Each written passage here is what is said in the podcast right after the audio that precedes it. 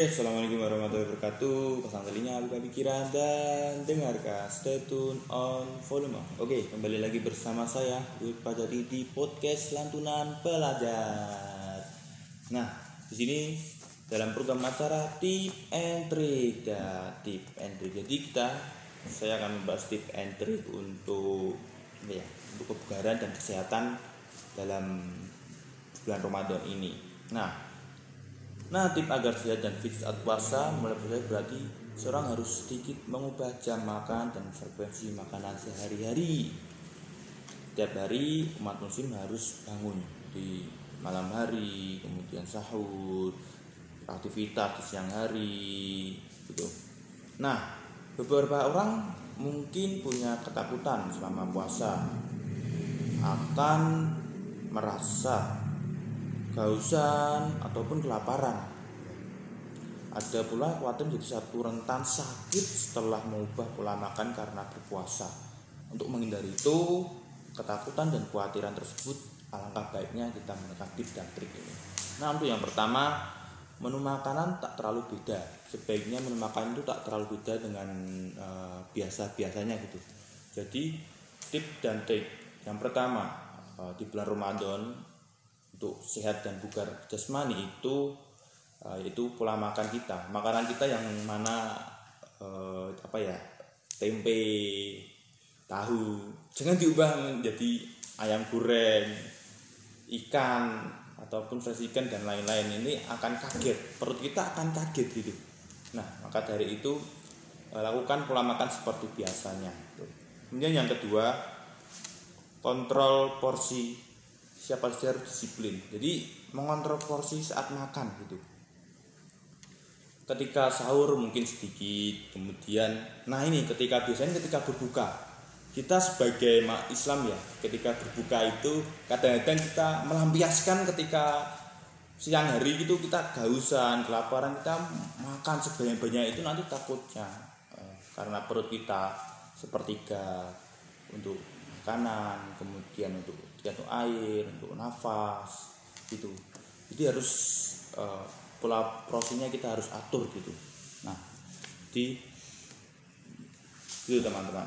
Oke yang ketiga adalah perhatikan zat gizi langkah setiap kali makan sahur dan berbuka.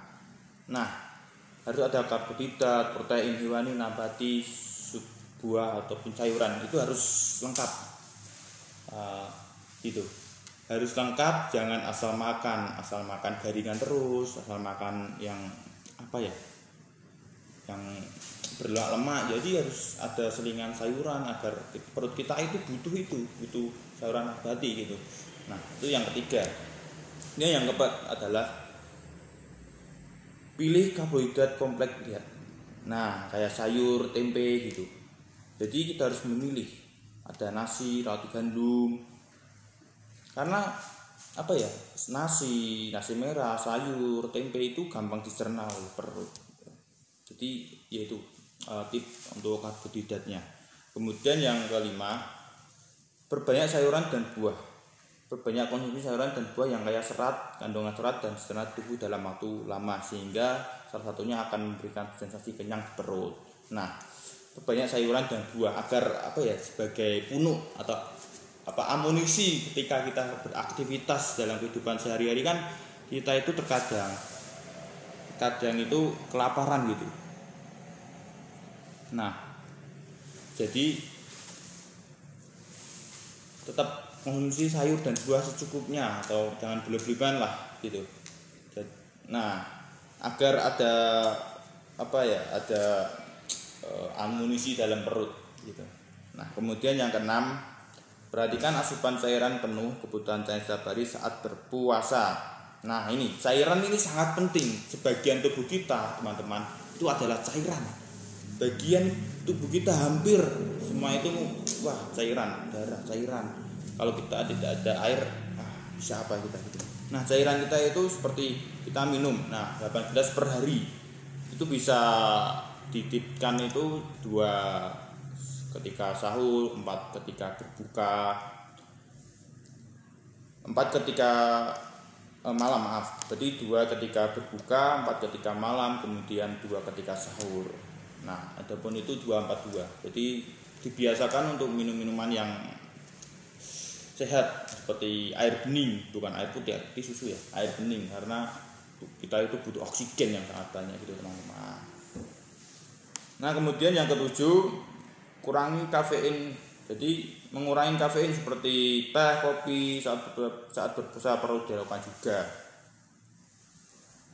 Nah, jadi kafein ini perlu dikurangi seperti teh dan kopi. Nah, ini akan menghambat kita dalam tubuh melalui apa ya cairan gitu. Kalau kita kebanyakan itu nanti kita akan gampang lelah, gampang uh, dahaga. Gitu. Nah kemudian yang ke-8 kurangi makanan asin. Nah ini.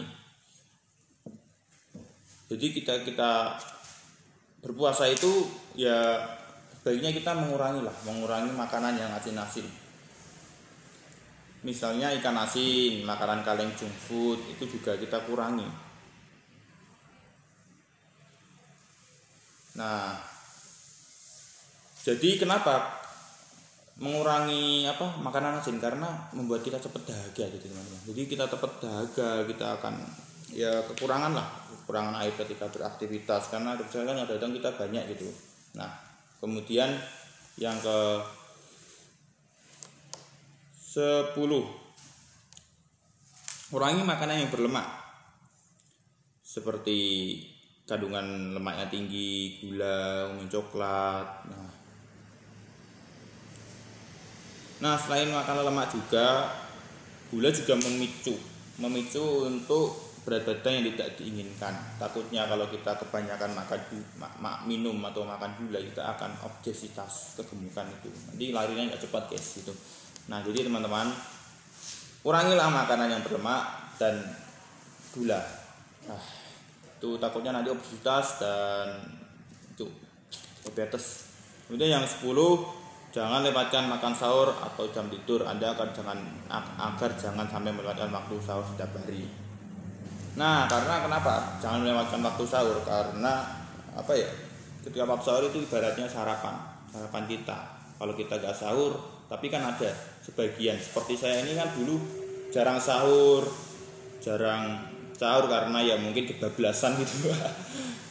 nah, kemudian ya siangnya ya perutnya nggak enak gitu. Tapi ketika kita sahur kita akan sarapan. Ibaratnya sarapan pagi kita akan lebih aktivitasnya lebih maksimal lebih optimal gitu. Nah apalagi sahurnya ketika ditemani oleh doi di WA gitu. Oke gini jangan lupa sahur. Ya gitu.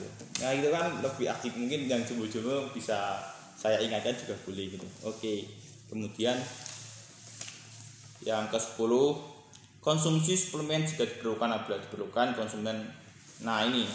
Suplemen tubuh kayak vitamin vitamin C vitamin A itu perlu. Ayah saya sendiri saya mencoba kalau Ramadan ini meminum vitamin C. Alhamdulillah eh, lebih ada kaceknya gitu. Makanya eh, minum suplemen. Dan tidak vitamin C atau vitamin A gitu. Yang ke-12 tetap melakukan aktivitas fisik momen puasa dengan menggunakan pembenar, pembenaran untuk bermalasan. Jangan membenarkan untuk bermalasan gitu. Jadi yang ke-12 ini kita itu dulu untuk tipnya itu adalah berolahraga. Jangan malam masalah, jangan mager-mager. Gitu. Karena ketika kita mager kita akan tidak ada kegerakan, kita akan bermalas-malasan itu menyebabkan kurangnya nilai ibadah ya mungkin ya. Sebenarnya tidur tidur itu adalah sebagian ibadah. Kalau saya sih tidur adalah sebagian mengurangi ibadah gitu. kenapa? Karena dengan kita tidak tidur kita akan lebih optimal lagi. Kalau tidur kan hanya gitu toh. Pahalanya mungkin segitu. Kalau kita eh, bangun kita akan misalnya membaca Quran melakukan kebaikan sosial itu kan lebih baik alangkah lebih baiknya gitu. Nah gitu teman-teman. Oke kemudian yang ke-13 yang terakhir tidur sesuai jam. Ya 6 sampai 8 jam. Tapi kebiasaan ini ini kebiasaan ketika tadarus sampai malam sampai jam 12 kemudian tidur jam 1 bangun jam 4 nah tidur lagi itu kebiasaan yang buruk sih sebenarnya. Ya tidak baik dicontohkan lah ya gitu.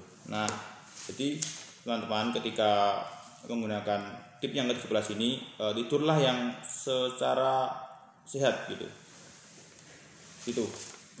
Agar ketika beraktivitas di siang hari ataupun sore hari lebih optimal gitu. Nah itu teman-teman. Nah, itu adalah tip and trick ketika di bulan Ramadan agar sehat dan bugar dan optimal dalam menjalankan ibadah. Oke. Nah itu ini sudah ada yang bergabung. Siapa ya Coba cek yang bergabung Mas Bagus. Oke Mas Bagus terima kasih sudah bergabung. Ya jadi itu uh, sedikit dari acara TNT semoga memberikan wawasan dan kebaikan bagi teman-teman sekalian. Sampai jumpa lagi di acara berikutnya. Next time hari. Oke terima kasih sudah mendengarkan dan menonton saya undur diri dari Assalamualaikum